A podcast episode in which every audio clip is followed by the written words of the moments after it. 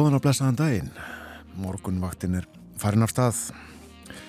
Risin er miðugudagurinn 19. apríl. Klukkunum vandar nýjmyndur í sjö.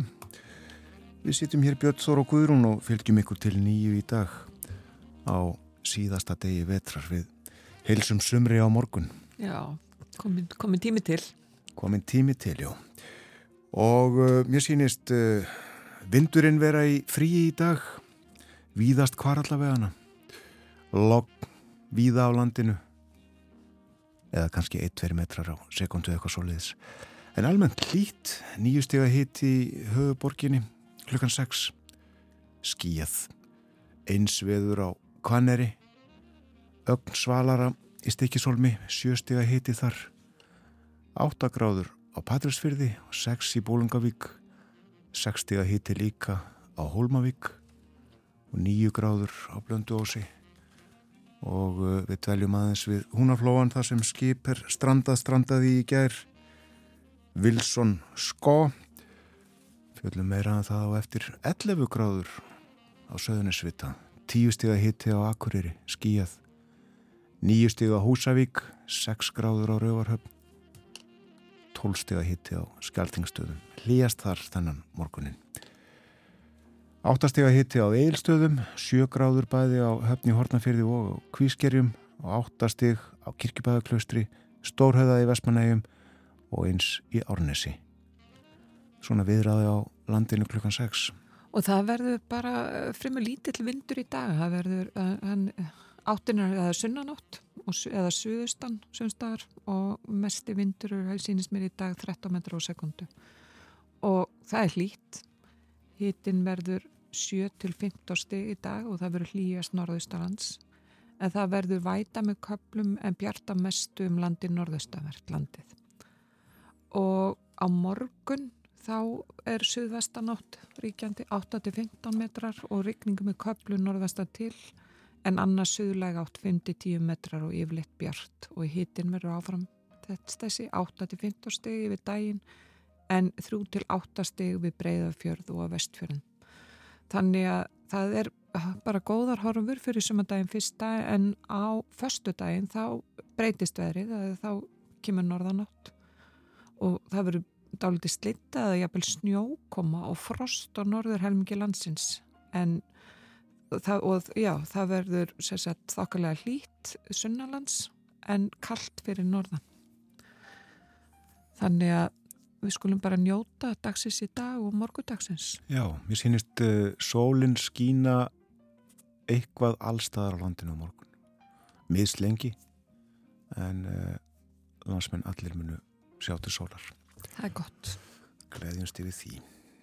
Og það er ímislegt á dasgráttal og tónar hjá okkur á morgunvaktinni í dag og uh, fyrsta lag þáttarins þennan morgunin syngur Percy Sledds.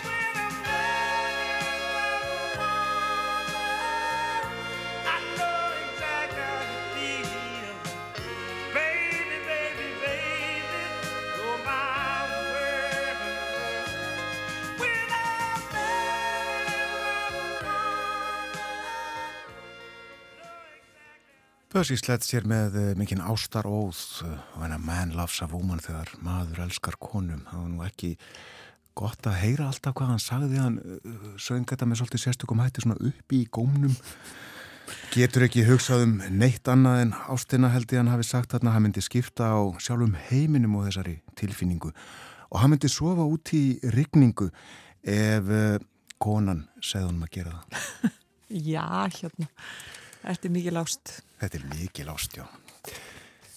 En uh, fréttinnar eru framöndan, koma eftir uh, rúmar tvær mínútur. Við fáum fyrst auglýsingar, förum svo ítalega yfir dasgrá þáttarins. Já, það er ímislegt á dasgrá hjá okkur í dag. Já, við viljum meðal annars að tala um veður fyrirbriði, við viljum að tala um eh, efnagsmál, nýtt hús, nýjasta húsið í Reykjavík. Og konung. Konung í Afríku.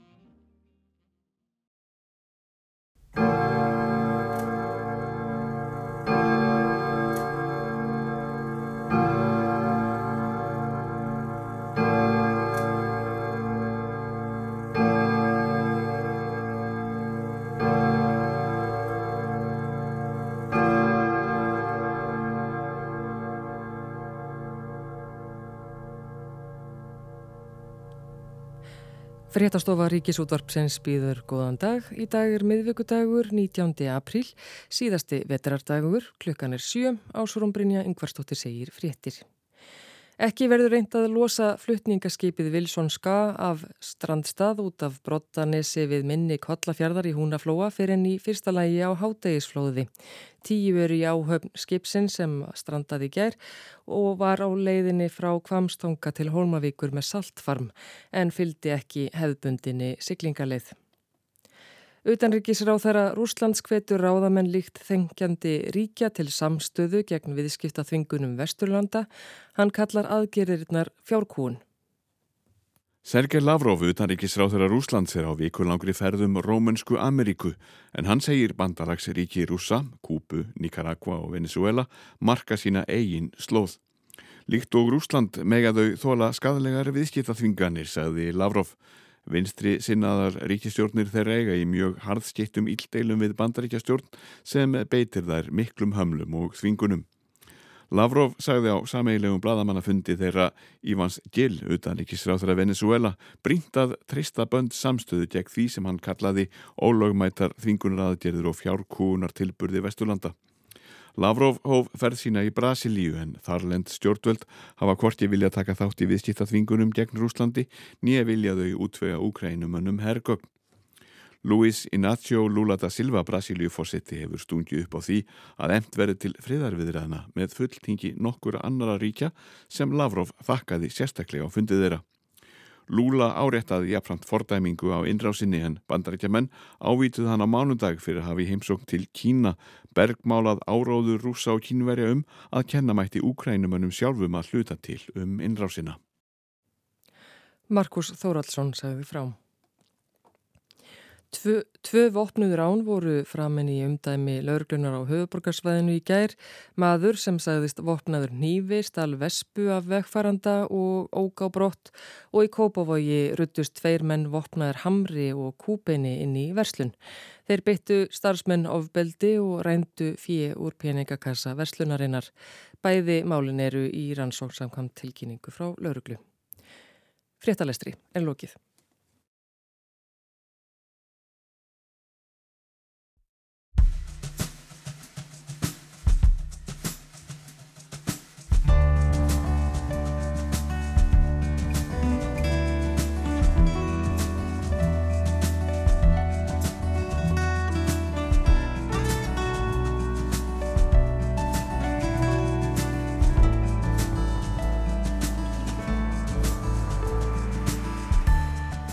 Góðan dag, morgunvaktin heilsar á síðasta degi vetrar. Það er miðugudagur 19. april. Umsjón hafa Björn Þó Sigbjörnsson og Guðrún Háldanadóttir. Hér rétt á eftir ætlum að tala svolítið um borgarbókasafni í Reykjavík og Jörfagleði í Dalabið. En í fyrsta viðtali dagsins verður veðrið eða tiltekið veður fyrirbæri til umfjöldunar. Já, það er nefnilega síðasti dagur vetrar og flest okkar þrá hlít og gott sumar. Og þar hefur hlýr Kirrahafströymur sem að læðist söður frá miðbögum jólaleiti áhrif. En þessi hlýi ströymur ber spænst heiti El Nino eða Drengurinn og er þar áttu jólabarni. Trösti Jónsson veðufræðingur fræður okkur um þetta um befrekar á hjónum og hér á áttundatíman. Áskiprinjar Torfarsson kemur eftir morgunfréttir og fjallar um alþjóðleg efnahagsmál og þessi sinni beinu við sjónum að þróunaríkjunum sem vaksta hækkanir undanfærin að missara hitta illa fyrir þau máttu nú ekki við herri afborgunum af lánum og við tölum líka um banka í bandaríkunum sem að sumi hverjir hagnast vel á efnaðas aðstæðunum í heiminum og skila með hagnaði þessa dagana. Og svo fyrir við til Marokko, þar sem Múhammed sjötti konungur hefur ríkt í tæpan aldafjörðung. Hann hefur umtalsverð völd en mörgum þegnum hans þykir hann sinna skildu sínum heldur slægilega. Eitt bestu vinnu kongsins er þýsku bardagakappi og glabamæður og undrast margir þennan vinskap. Vera Ylluadóttir segir okkur frá Múhammed sjötta upp úr klukkan hálf nýju. Og eitt nefni við enn, við lítum inn í hús nr. 5 við Artgrímsgötu í Reykjavík. Hús íslenskra fræða og hús íslenskunar hefur það verið kallað. En framtíðarheiti, valið eftir samkeppni, verður tilkynnt í dag þegar húsi verður tekið í gagni með viðhöfn. Arkitektin Augmundur Skarpiðinsson segir okkur svo litið frá húsinu. En það er veðrið, veðrið í dag og morgun. Já, það er enn ríkjandi mildar sunnanóttir en það snýst í norðanótt á förstæðin með kolnandi veðri. Í dag verður söðlega átt 5-10 metrar á sekundu en heldur kvassara og norða verður snæfisnesi sítis og það verður væta með köplum sunnan og vestnatil en bjarta mestu norðaustalands og hitti verður 7-15 stig og það er hlýjast á norðaustalandi í dag. Á morgun verður áfram söglegætt og bara mjög lítið vindur eða 3-8 metrar á sekundu og yfirleitt bjart en söðvestan 10-15 með rykningu eða súld öðru hverju norðvestan til á landinu. Og hitum verður bara svipaður og hann er í dag en það verður kaldara við breyðafjörðu og vestfjörðum aðeins 3-8 stig.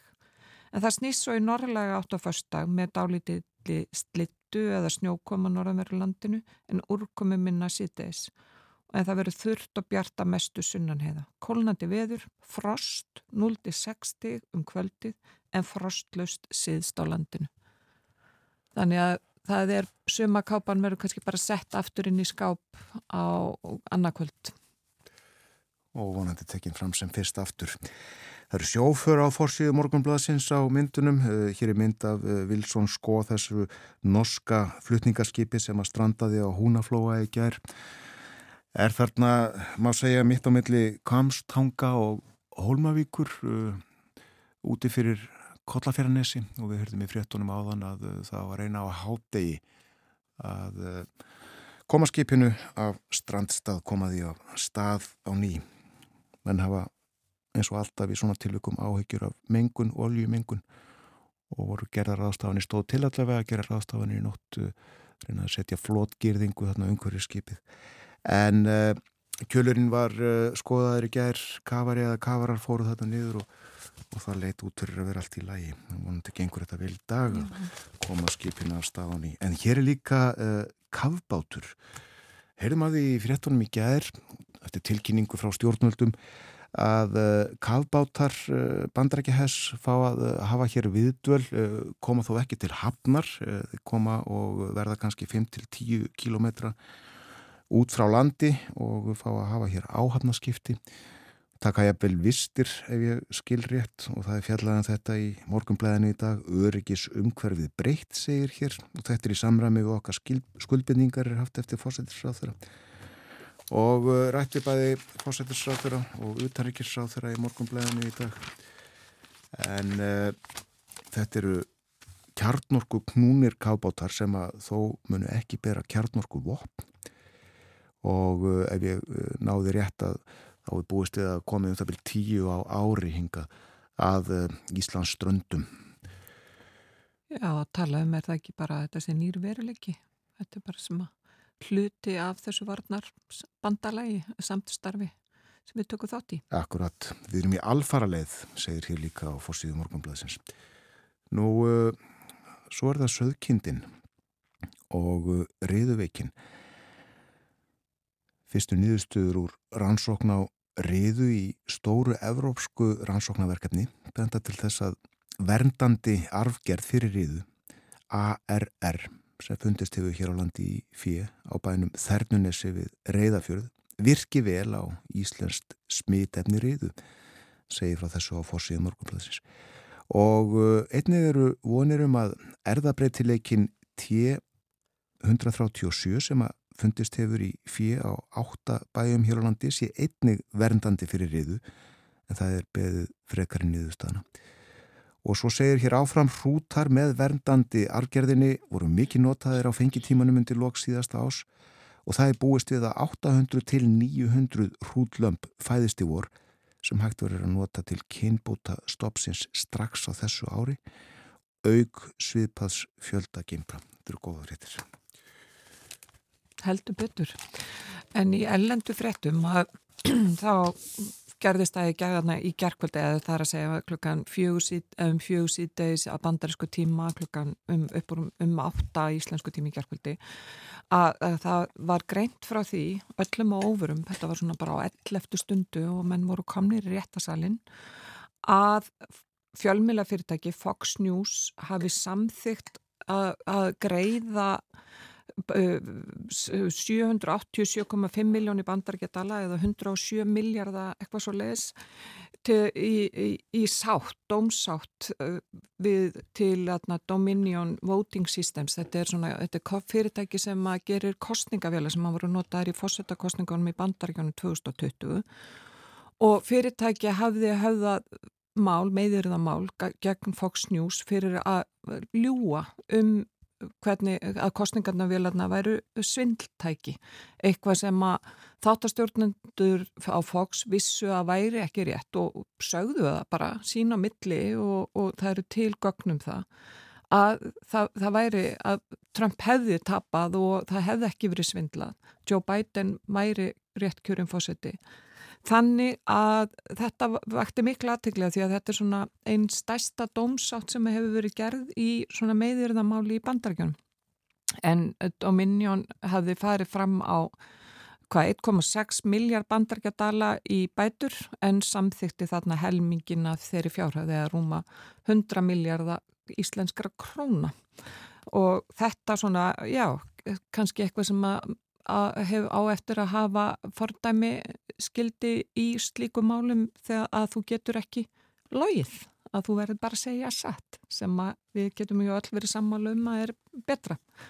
En svo er von á áhugaverri umfjöllun í, í ríkisfjölmiðlum skandinavisku landana, það er Danmörku, Norregs, Svíþjóður og Finnlands um um sagt, áætlun rúsa um að vinna skemdaverka á, á uh, hvað heitir að vindorku uh, svona görnum og sæstrengjum á Norðusjó og þetta er sagt, samstagsverkefni þessara sjónvastöða rannsóknarbladamennar þeirra og verið að uh, þar sem þeir eru búin að fylgjast með og rannsaka að það og það rannsóknin hefur leitt í ljós að rúsnesk fiskiskip sérst, að hafa sem að eru þarna og hafa, eru í rauninni njósnaskip. Og þetta eru, já, eru sigla þarna undir fölsku flaggi. Þannig að það verður ábygglega töluvert fjallað um þetta í norrænum miðlunum næstu daga en fyrsti þátturinn er í kvöld allavega. hana Og svo er annað sem var fréttum í gerkvöldi víða í heiminum en það er sagt, samstarf fjálmela viðsvegur um heim.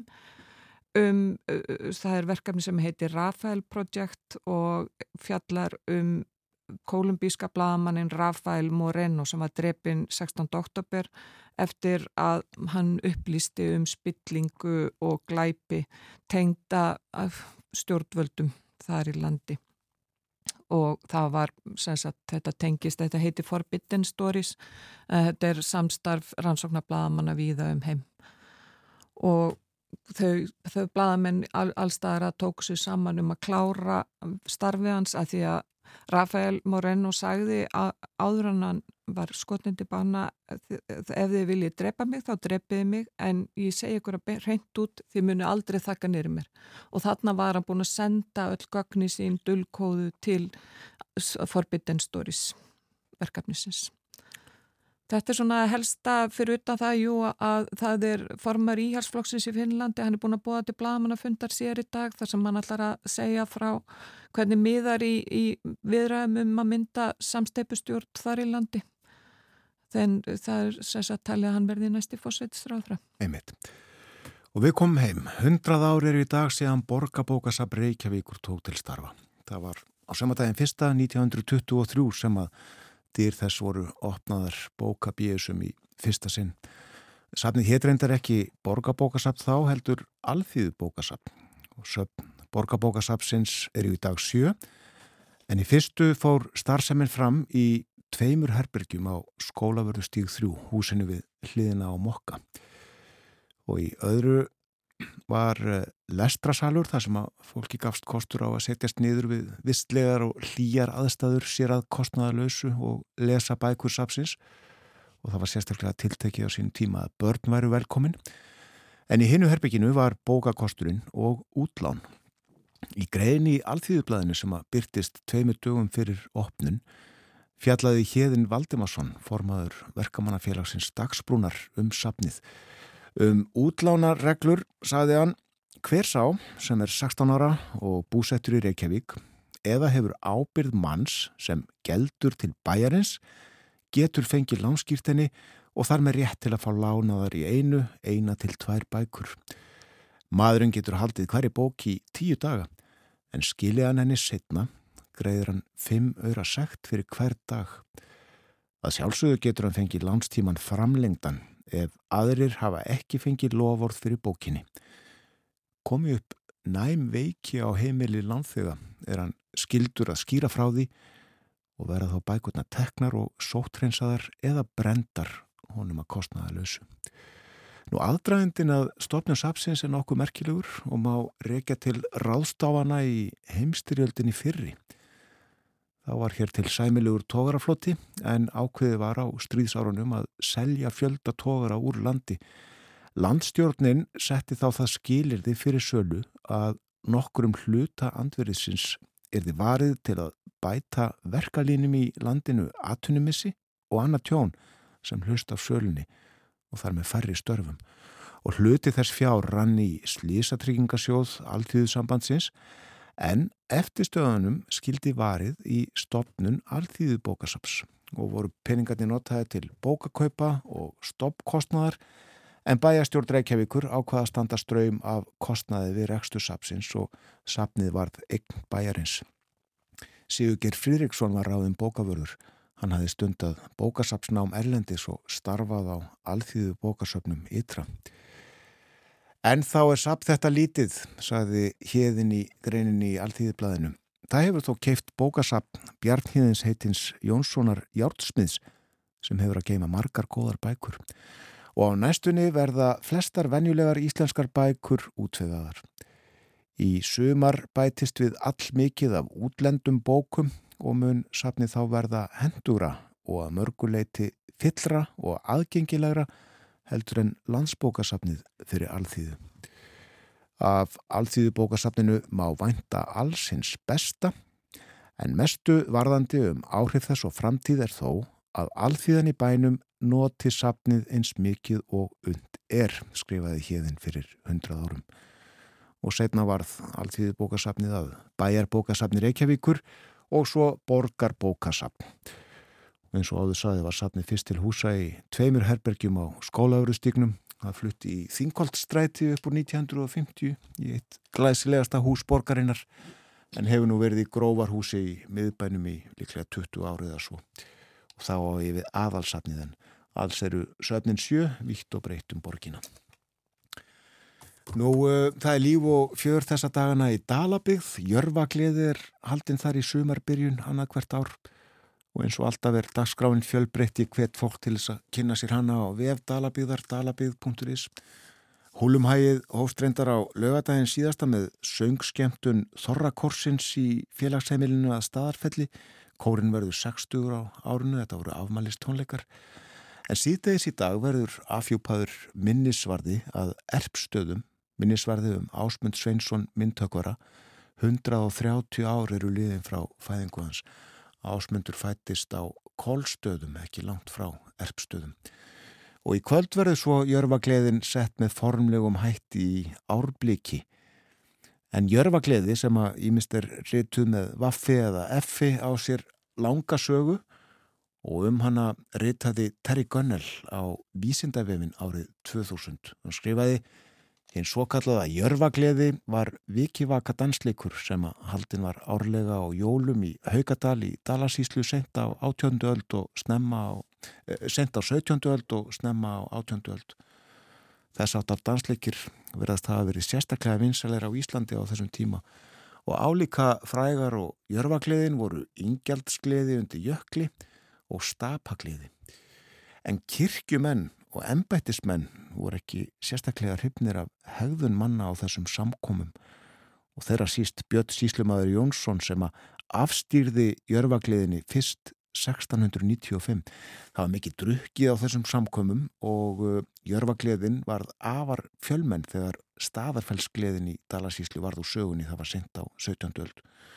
Og til Jörfa kom fólk langt að frá skóaströnd og hrútafyrði auk Dalasíslu og sumt vinnufólk fekk meira að segja að hafa það í samningum sínum að það hefði leifi til að fara á Jörfagleði. Það var eins og að hafa í samningum að að eh, fá að fara á þjóðtíð Vestmanniðum eða eitthvað slíkt. Það var gett. En það er sagt að dansa það hefur verið í baðstofinni á Jörfa og leiknir Hoffinsleikur, Hindaleikur og Þórhildaleikur. Það var ekki allt og sumt eins og Hjörtur Pálsson bendir á í greinsinni Jörfagleði í Dölum. Hann skrifaði hana í tímaritt Þjóðræknifélags Íslendinga 1964. Og Hjörtur skrifaði og Terri segir frá í greinsinni Við síðustu jörfagleðina sem haldin var er sagt að komi hafi undir 19 börn og fylgdi það sögunni að ekki hefði allstaða verið hægt um vik að feðra þessa unga. Sér að Einar Jónsson að Kirkjubæ hefur það eftir Jóni Sigursinni í Njarvík að það hafi ekki verið 19 heldur 30 börn og sínir þetta hver jörfagleðin á jólum hefur verið alræmt og áfram heldur Terri í sínum skrifum En gleðin virtist einning hafa haft kraft af öðrum toga.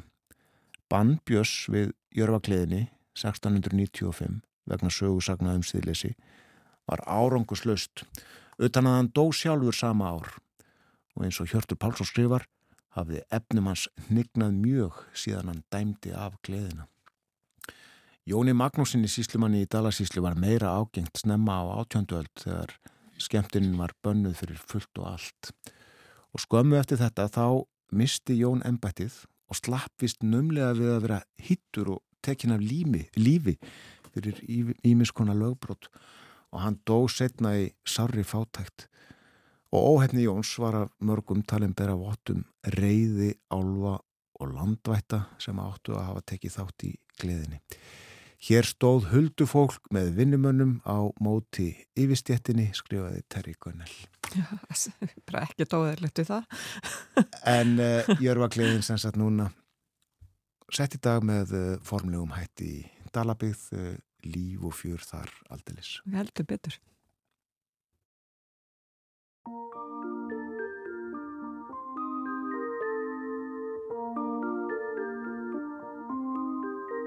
Sunnan vindur, svaraðu mér, segðu mér hvaðan þú kemur og fer.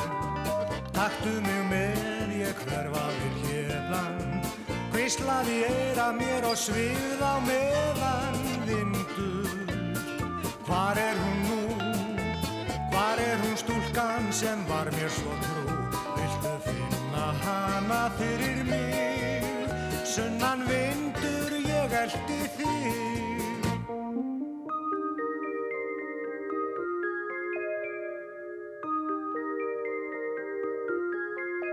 Sunnan vindur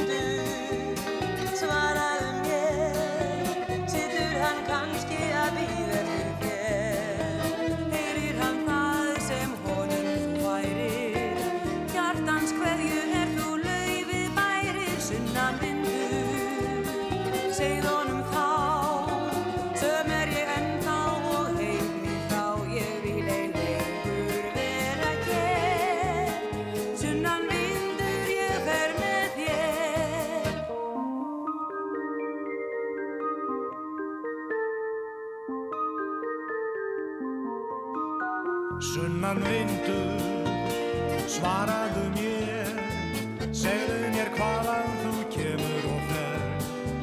Taktu mig með ég hverfa vil hérna. Hvíslaði eira mér og sviða meðan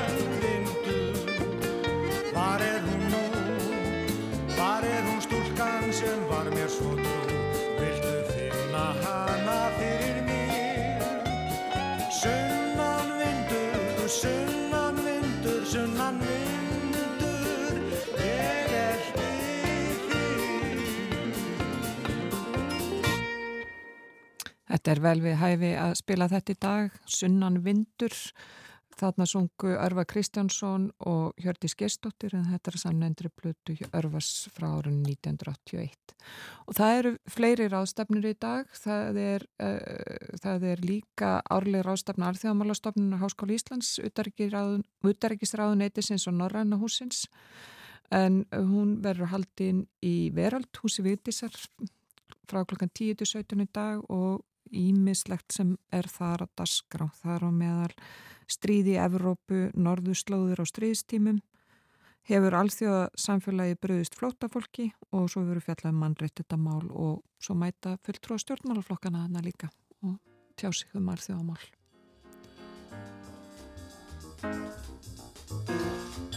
Sæl á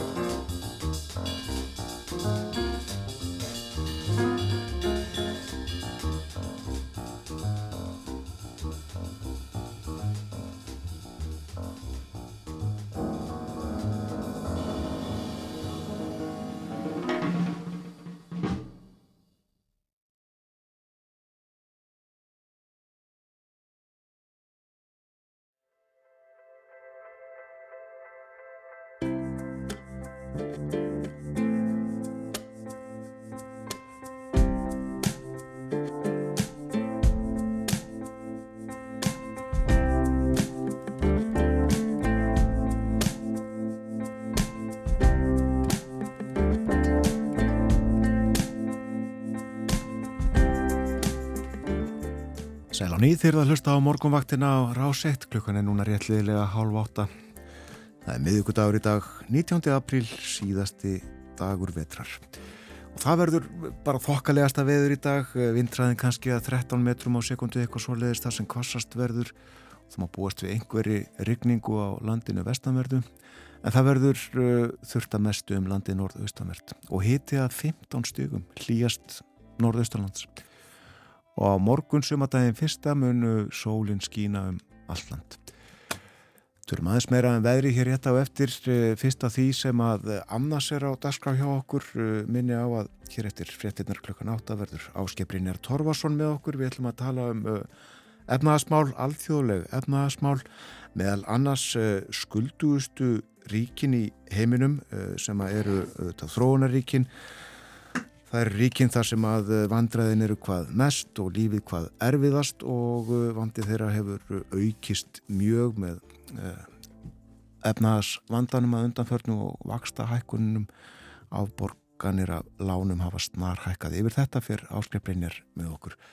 Svo ætlum við líka að líta inn í nýjasta hús borgarinnar sem að verður tekið gagnið með viðhöfn í dag. Þetta hefur kallað Hús Íslenskra fræða og Hús Íslenskunar en fær nafn í dag eh, sem var valið eftir samkeppni sem að margir tóku þátt í vilma aðeins að fara um gangana með arkitektinum augmundi skarpiðin sinni.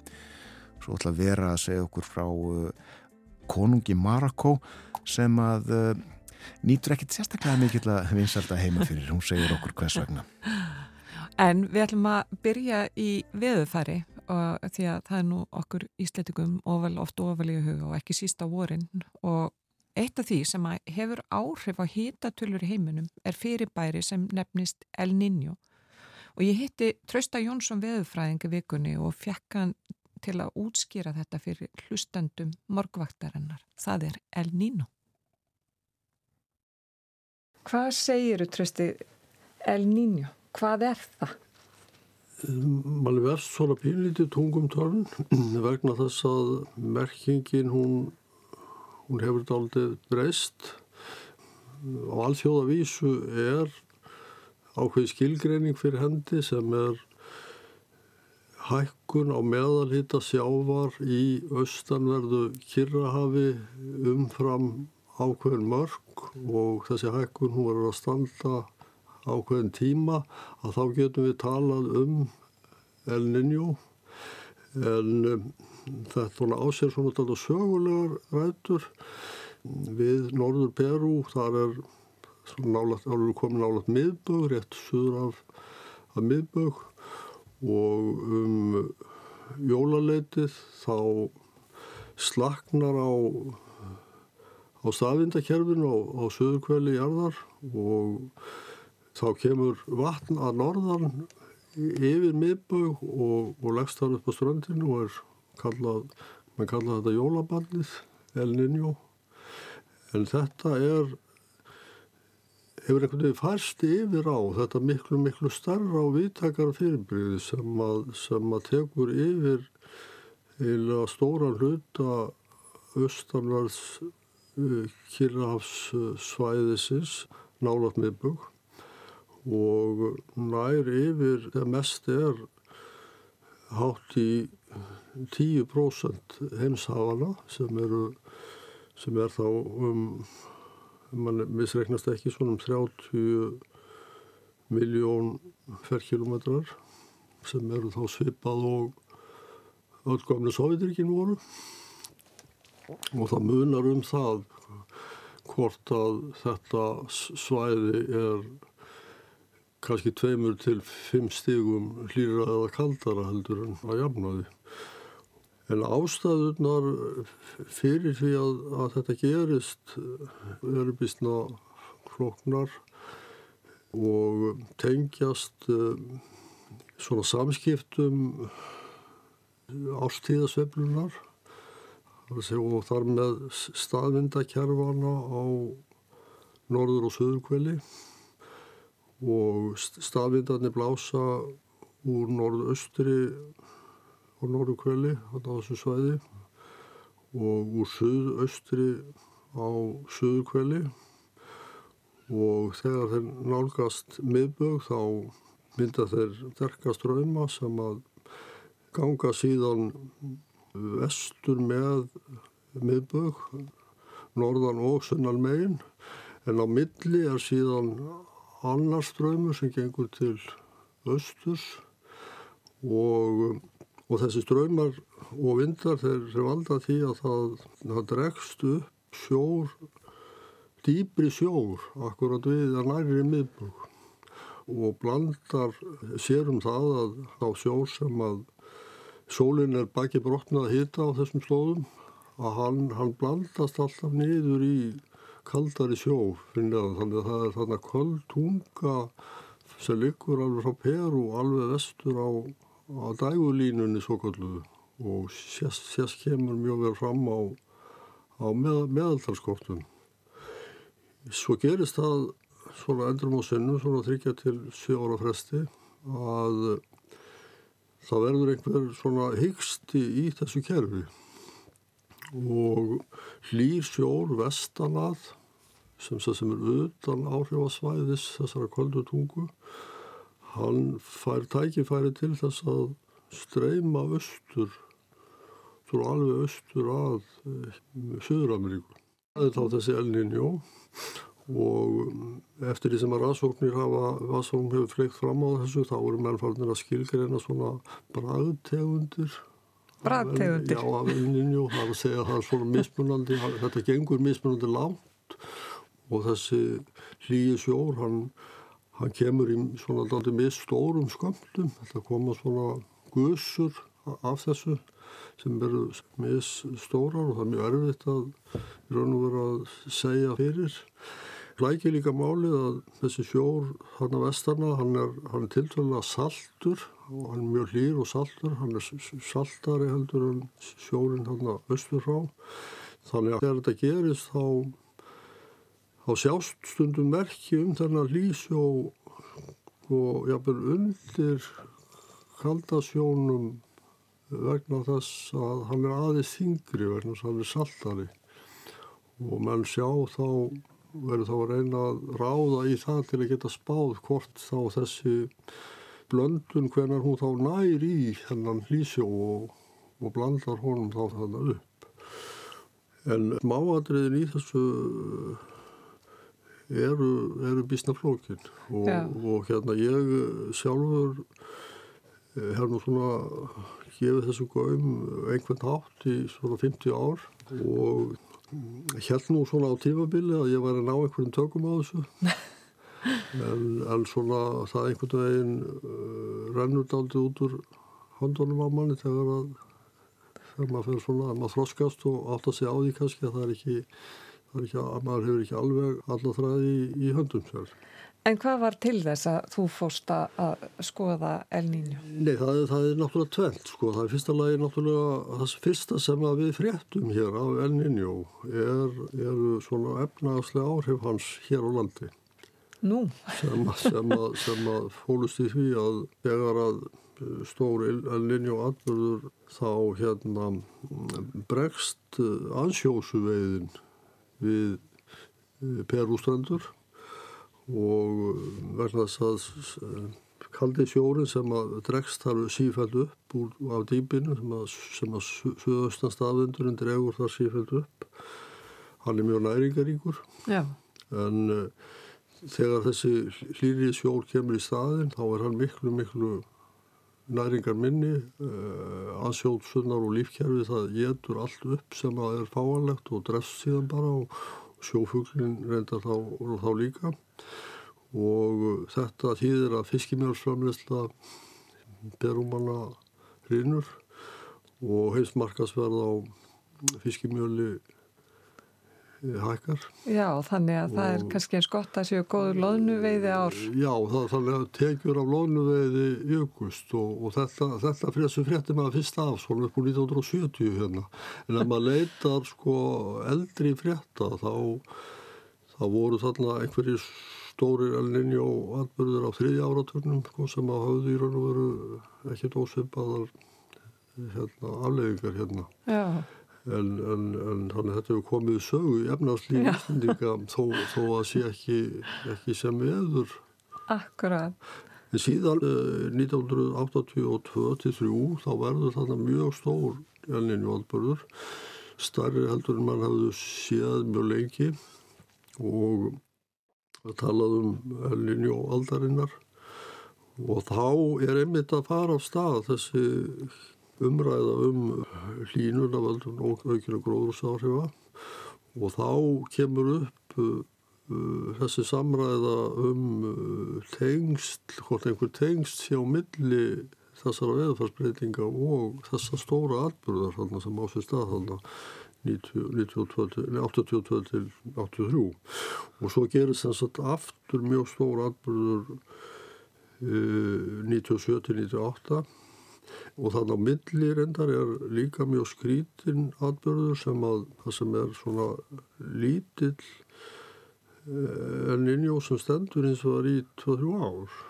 Já. sem er aftur líka óvinnilegt sko. Er það ekki aldrei langu tími? Jú, þetta er aldrei langu tími og síðan á sama tíma þá átt að með sig á því að það er líklega rétt að, að skilgreina mm, sko hið öfuga ástand þar að segja mikið kulda á svæðinu sem sérstætt sko ástand.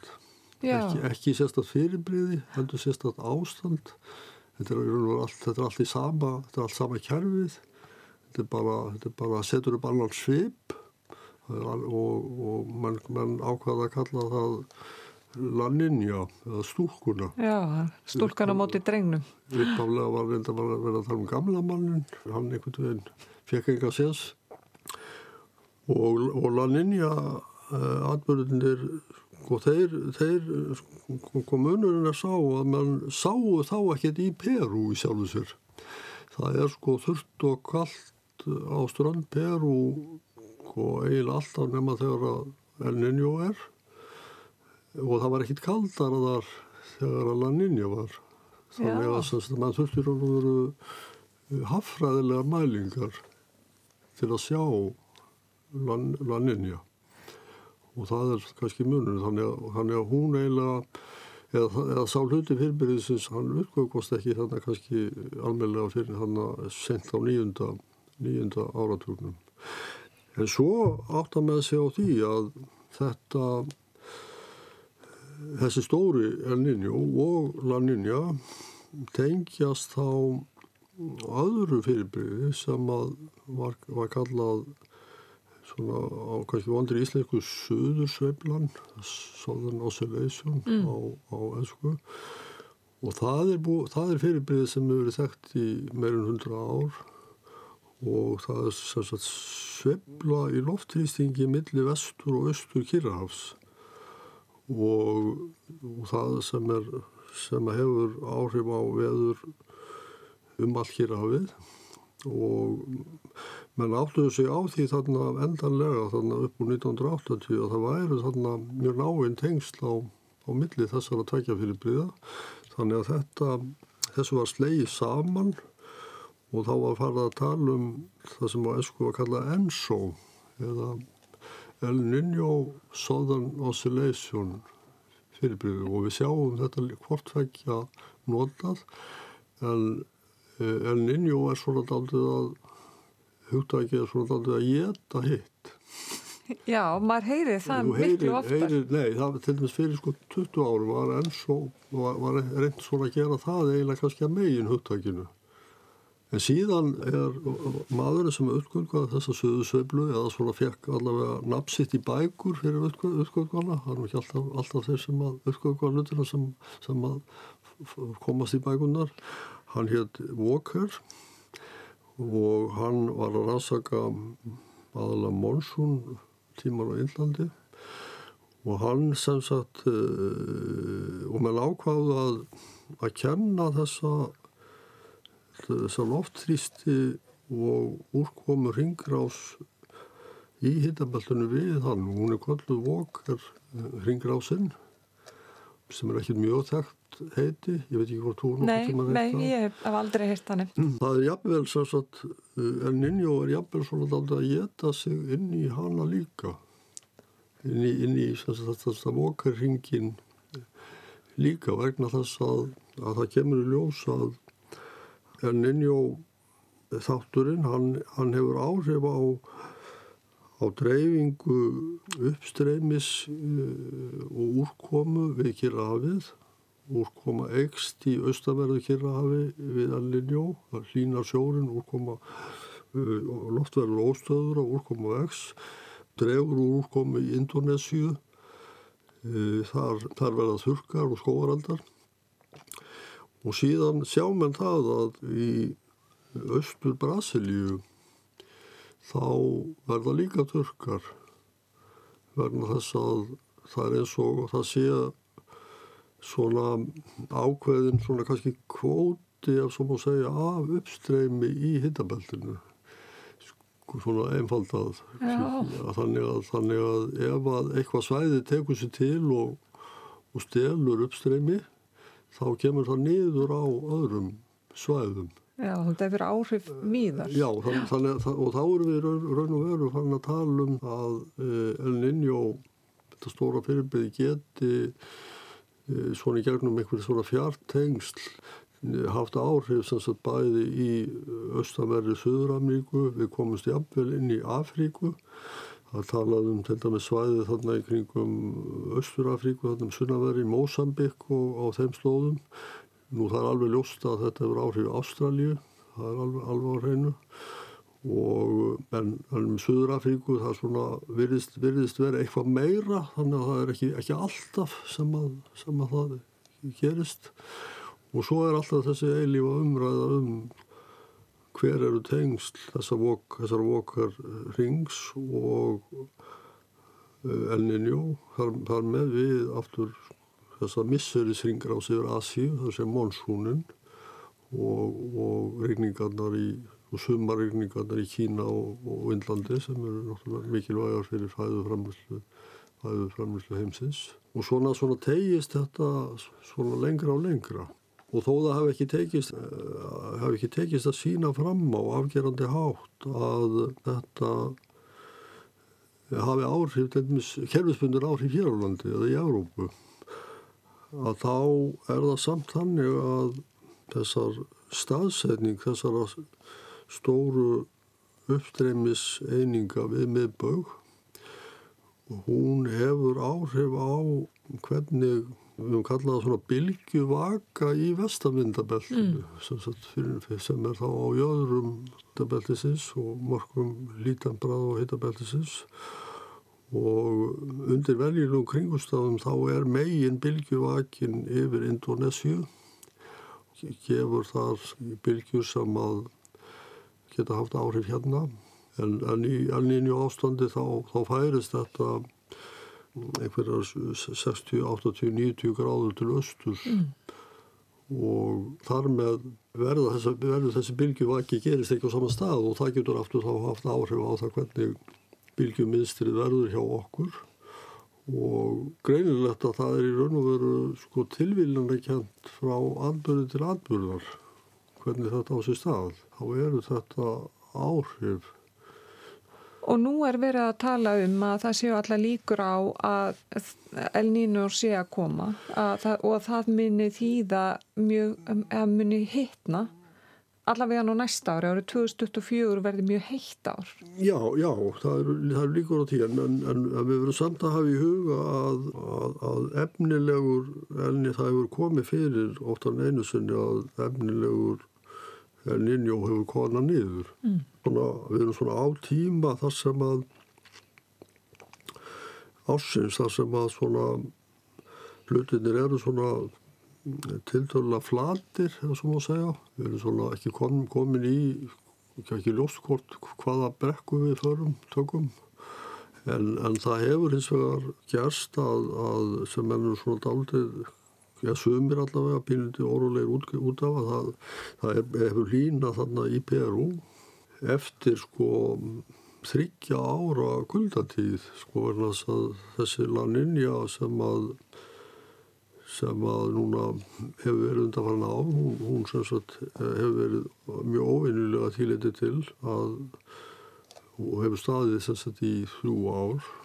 Og það er, það er ekki dæmalust en, en það er það er óvinnlegt og, og, og, það, og það eru þess vegna mjög, mjög mikil viðbreyði þannig í Peru svona, og það svona hleypir upp svona ákveðnum Já, ég sé kannski, við viljum ekki segja óta en svona það er svona mjög fyrst þessi sko, fyrst fast að koma að koma óvart í raun og veru hversu snögg umskipti þetta voru úr, úr þessum óveinilega kulda yfir í bara í raun og veru óveinilega hita. En þessi stóra hlínun uh, á Östukjærahafinu er svona, við vitum ekki almenlega sko hvort hún hvort hún kemst, kemst í gang. Mm. Hún, hún byggir sem sagt á því að, að það komi sko, skamtur af uh, hlýjum sjó þannig úr vestri mm. þannig austurum. En ef við bara horfum okkur nær, nú er síðasti vetradagur, Jú. hvað fáum við gott sumar, trusti? Ég treysti mér nú ekki til þess að segja, segja neitt um það. Það er svona, við náttúrulega sko ekki sitjum, sitjum daldu uppi með það að, að hérna á, á Suðvesturlandi þá, e, þá fengum við sko fyrir svona 10-15 árum þá fengum við óvenni mörg mjög góð sumur í röð sem var, var óvinnlegt, hafði ekki gerst í bara nokkuð marga áratöyu og mm, það má þess vegna segja að, að, að sumrin síðan, síðan þau, sko, það við hefum ekki fengið sko frá 2013 að telja þá hefur þetta verið svona meira blandara en uh, við hefum ekki fengið neins svona skýtað sumur í röð sko, það verið svona uh, komið þannig að 2-3 en við hefum líka fengið ágætt sumur. En það er samt einhvern veginn komin, komnar einhverjar vendingar í gang sem að sem að hérna ég veit ekki alveg uh, hvort er eitthvað, eitthvað ellar Þannig að venjulegt sumar sko, sem að hefði bara þótt mjög gott fyrir, fyrir sko, 35 árum uh, það er einhvern veginn bara þykir ekki nógu gott í dag. Svona... Takk kærlega fyrir að koma til okkar á morguvaktina Trösti Jónsson við frængur.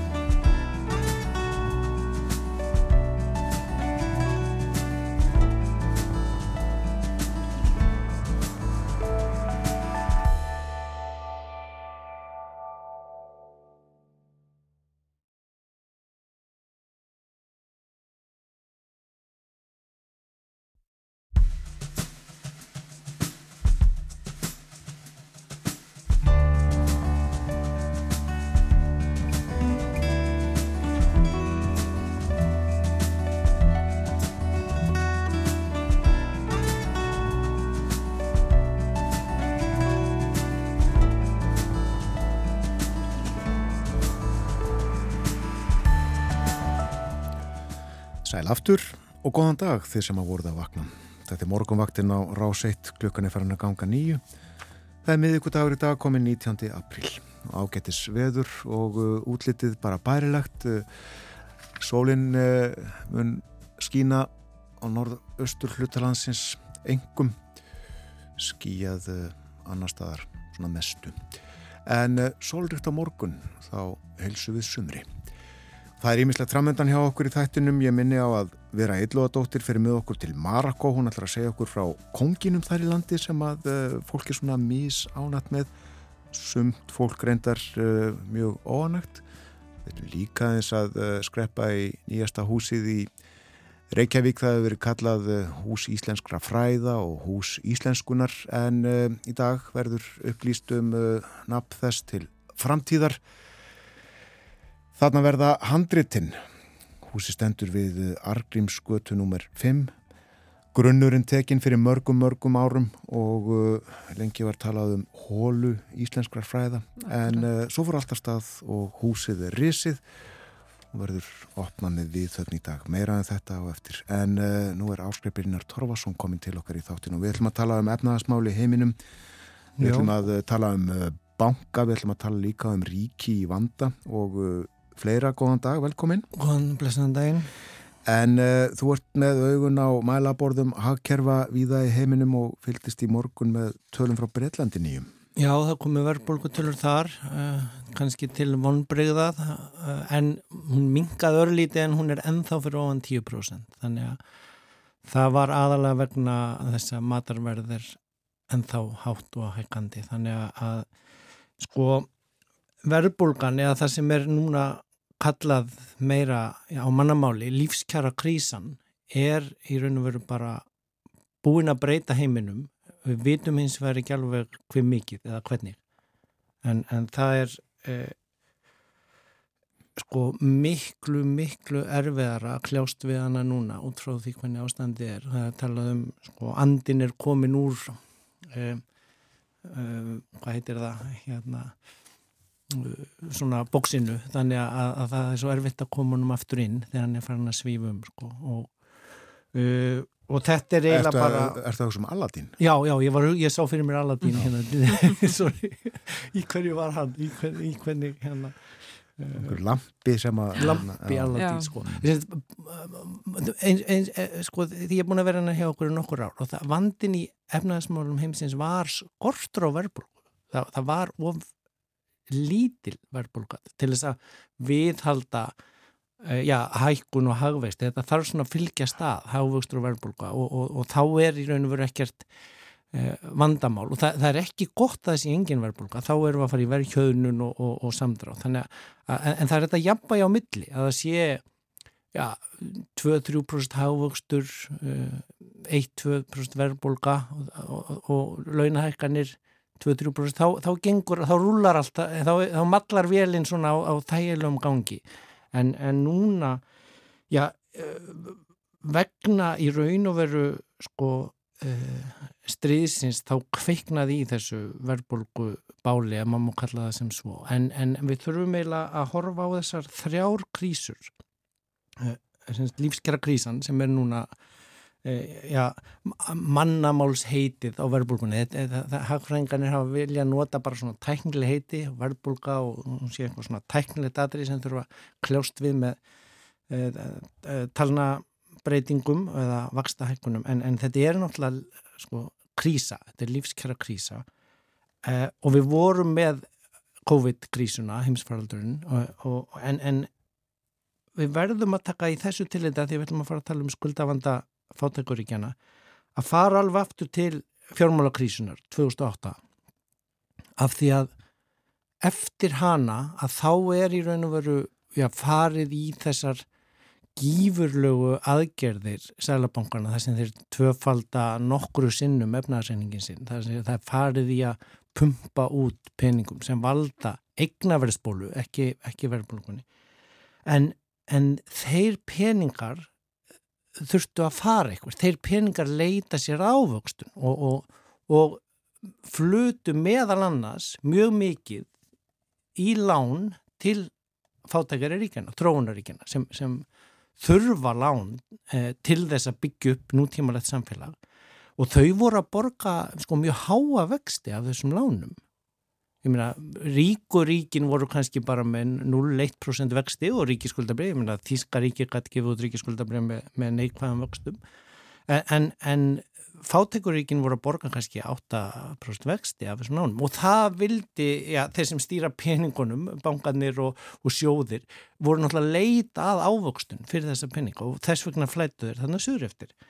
Um, og síðan núna að, að þegar að, að já, við, við lendum í þessum veðra skilum að, að það fer úr því að vera vaksta lækandi um hverfi í það að vera vaksta hækandi um hverfi þá breytir það öllu, þá sáum við bankana sem fjallu hérna síðasta mánuði uh, sem er já, bæði svona eins og venjulega um helgi alltaf eins en líka sérstakt í hverju tilfelli. Það er sér dæmum hvern, hvern banka af hverju hann fjall.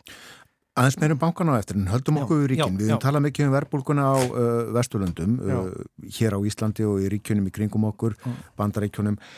Uh, en tölum um einmitt uh, þróunaríkin. Ríkir sem að uh, eru í vanda voru í uh, miklu vanda, uh, já, þar hafa lánin hækkað líka. Afborganinnar voru dágóðar en Mm. hafa snar hækkað. Já, núna erum við að sjá, sko, þetta var á dasgrá í vorfundunum í Washington í síðustu viku, Alþjóðagjaldarsjóðun og, og uh, Alþjóðabankin, uh, Alþjóðabankin sem er meira að styðja svona við þessi, þessi þrónuríki. Við erum að sjá lönd eins og Pakistan og Egiptaland sem eru að borga kannski helmingin af tekjum ríkisjóðs í vakstagreislur og afborganir á lánum sko. nú, og nú snýr þetta því já, ef þú getur framleitt lánunum eða tekið nýlán fyrir fyrirlánina þá þarfst ekki að borga þau niður. En, en núna er orðið miklu dýrara að taka eh, nýlán og erfiðara. Þannig að, IMF var að búast við sko að sko helmingur þrónlanda eða fótakarlanda er í skuldakrísu eða við það að lenda í skuldakrísu. Þannig, þannig að við erum bara að tala um sko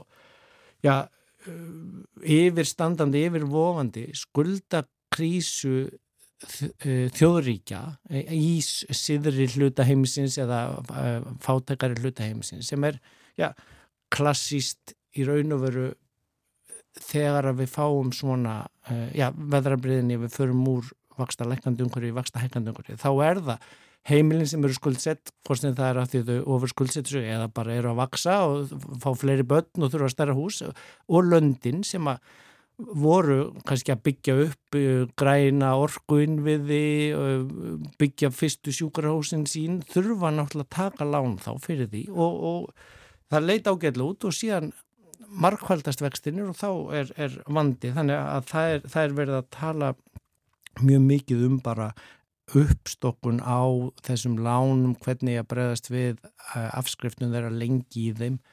Uh, og, og svo flækist málið aðeins að því að til dæmis Kína hefur verið að lána heilmikið af þessum löndum, bæði í gegnum belti og braud inn við uppbygginguna sína sem er nú einhverju leiti svona uppbygging á, á hernaðarmannvirkjum um, um, um heiminn fyrir, fyrir þeirra uh, her en, en, en sko sá sem að á lánin ánáttlan sem mikinn hlut að, að máli og Og þetta er ekki bara alþjóðabankin og eftir aðtökum alþjóða gældriðsjóðurinn, eh, þetta eru líka ríki og mögulega einhverjir eh, aðilar á mörgu. Já, bara sjóðir sem, er, sem voru að leita sér ávöxtun. Þannig já. alveg eins og hvort sem við förum í, í, í sko, skuldakrísinu í Suður Ameríku á síðstöld, uh, skuldakrísu Suður Evrópulandana eftir fjármálarhunnið, að, að sko aðstóðin sem kemur frá, frá uh, IMF og, og, og stuðningsaðilónum fer mjög mikið bara inn í þessi lönd og tilbaka til banka norðurríkjana þar að segja sem lánuðu þeim peningina því að þetta er ekki beitt stuðningur til landana heldur þetta er í raun og veru stuðningur við lánveitendur landana. Já. Þetta er skrítið fyrir gumla sem er orðið til. Eh, rétt áður við tölum um banka í bandaríkunum sem okkur skilsta sumi hverjir allavega sé að græða óhemju mikið þessa dagana. Eh, þá að eh, því að hagfræðingar þeir hafa tekið upp nýtt tungutak. Þeir vilja að almenningu skilji þá. Já, já allavega þurfa þeir að gera það. það Gillian Tett sem að, að, hérna er mannfræðingur og einn af betri blagamönnum Financial Times er reyndar núna frá Cambridge. Hún var þarna í Washington og, og var með mjög skemmtilega grein um þetta í, í uh, Financial Times og það snýra því sko fyrir örfám árum hefði engin hagfræðingur tekið sér í munn orðins og lífskjara krísa, menn hefur bara talað um, um uh, verðbólguna sem svona tæknilegt atriði. En, en sko ég var á OECD-fundi líka bara rétt fyrir páska, þar er sama tungutak komið, þar segja markmiðið er að fólk verður að skilja það sem er verið að tala um, það þýðir ekki að slá um sig með skamstöfunum eða tæknilegu orðfæri E, núna þegar að, já eins og við reyndum að það síðast, sko, þegar að á að fá alla með á bátinn að ná verðbrukunniður eða, eða fá fólk til að skilja af hverju þrengingarnir eru, þá er gagsægi og já, skýrt orðalag leikilatrið. Já, og uh, þá má segja að uh, Áskei Jónsson, uh, sælabankastjóri hér, hafi tilengar segið þetta að vissuleiti, hann talar um tásumindir á tenni en, já, já, það er spurning hvort hún takist að stöðva ferðinu til tenni með því hækka vextina því eins og þú sagði síðast, það var fullt bílastæði fyrir páska.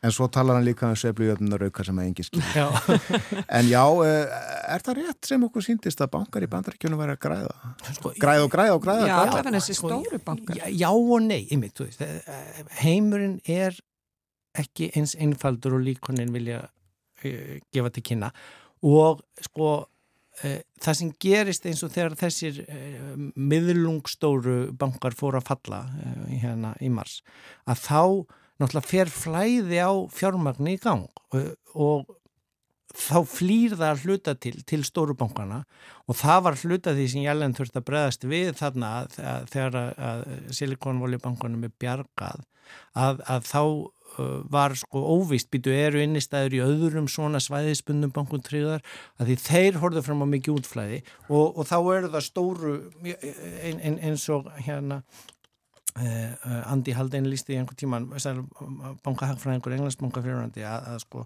þetta er svona eins og í dýraríkinu með, með rostungar sko að stóru hérna rostungstarfanir verða alltaf stærri og stærri. Það er sér stóru bankanir eh, græða meir og meira þegar að, að já, óróin skapast. Já. Hins vegar er það ekkit endilega gróði í því að fá henni fullta innstæðum, innlánum, að því þú þarfst að koma þeim peningum í, í virkni Uh, og þarna þurfum við að horfa á tímafaktorn líka í gegnum COVID heimsfæraldurinn þá sapnaðist upp, fólk gati ekki eitt penningunum sínum, þeir sem uh, stóðu vel, að því það var bara banna að fara út að borða eða banna að fara til útlanda. Þannig að það sapnaðist upp fullt af penningi einstæðum sem fóru síðan já, út í eðislu og það er hluti að verbulgu vandan núna. Fólk er, er, að, er að fara of mikið að eða penningunum og til í að borga jáfnvel meira og kindir þannig upp verbulguna E, þannig að sko að já, við, sjáum bæði auki innflæði til stórbangun en við sjáum líka útflæði annars verið í eðsluna sem er skapað verðbólkuna og líka fluttning úr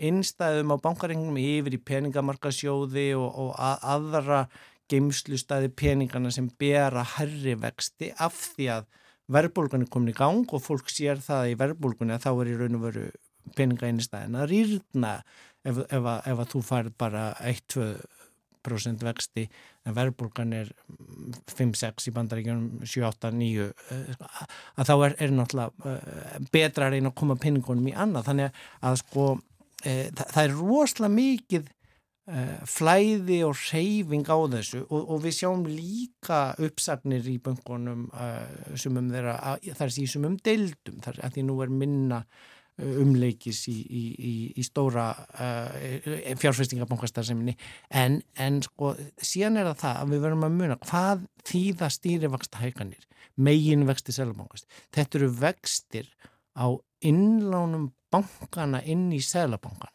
þannig að þegar að þeir vextir hækka þá eru náttúrulega bankanir að græða uh, fá meiri pening frá selabankanum fyrir að geima peningana sína þar. Þannig að, þannig að sko þó að það sé ekki nógu mikið til að uh, jafna út verðbólguna eða rýrnunina út af verðbólguna þannig að þetta er þetta já, þetta er kannski fullflókið talna uh, dæmi en, en, en Munum að klukkan er ekki orðið nýju en uh, hagkerfi eru að, að stóru hluta sko, tilfæsla á peningum já. frá ATB já. og COD og, og, og þetta eru efnarseiningar sem samhangandi og, og sko eign eins er skuld annars peningaegnin þínin í bankanum er í raun og veru lánþitti bankans, það eru skuldalið bankans. Já.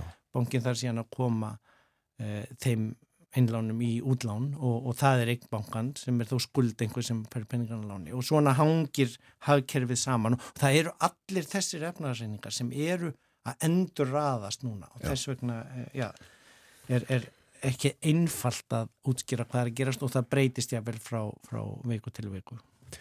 Talaður um uh, rostunga áðan, uh, við ætlum að uh, tala um aðra skeppnu, uh, enn stærri um kvalina.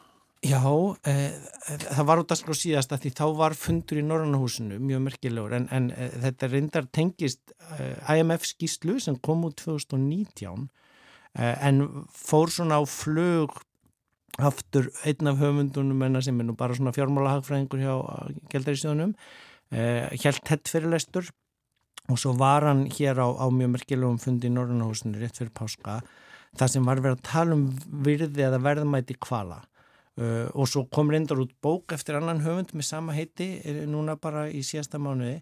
En það sem að sko alþjóða Gjeldarísjónum gerði var hinnlega bara að reikna út eh, framlag eh, fór að skoða mismunandi hluti í náttúrunni, hvernig getum við náð náttúrulegum lausnum til að kólefnismynda því það er náttúrulega svo dýrt að fjárfesta í öllum þessum loftslagsaðgerðum sem við verðum þó að fara í.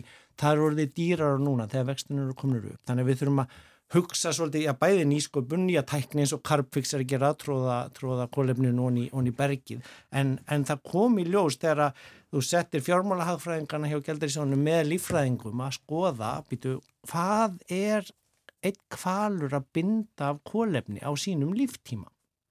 Og það goða við kvalina er að þegar þeir deyja þá sökvaðarnir á botn Þannig að það er svona eins og kólefnisbinding karpfixin í berginu að, kólefni sem bindst í þessum mörgu tónnum í hverju skeppnu, sekkunir á botninu þannig, og sleppist þar með ekki út í andrúrsloftið.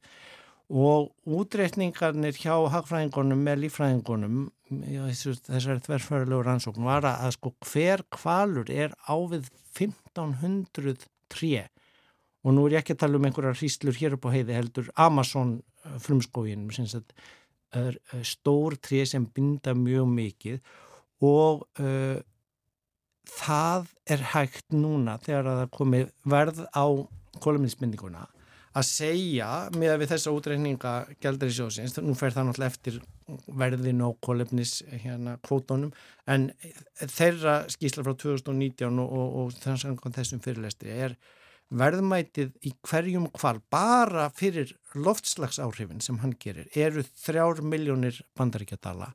Þannig að við höfum miklu meiri haga því að láta kvalina synda um höfin heldur en að veiða þá og borða. Já, þeir vilja setja sko sektir og tryggingarskipa sem að sigla á kvali og drepa það óvart af því að, að, að þeir þá borga bætur af því að sko e, þetta er svo mikið framlag til kolminsmyndingarnar og ef við myndum segja með við þrjár miljónir per kval sem er 411 miljónir íslenskar króna og í fyrra voru hér veitir 148 kvalir held ég.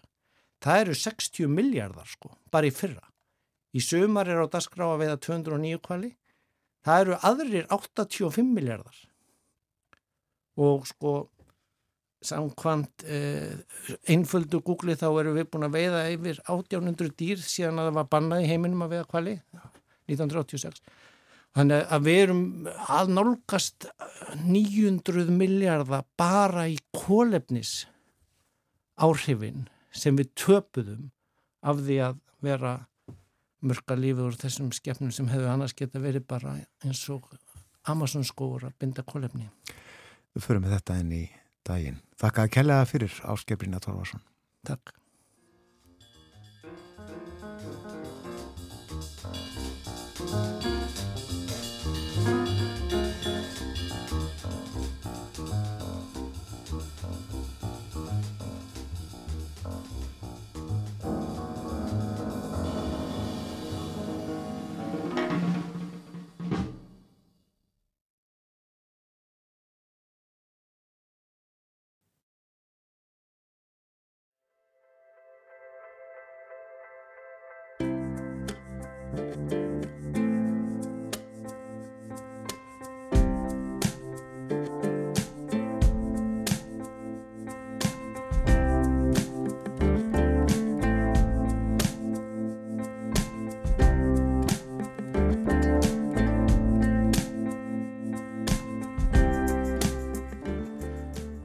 Aftur þegar það hlusta á morgumvaktin á rás 1 klukkan núna réttliðilega hálf nýju.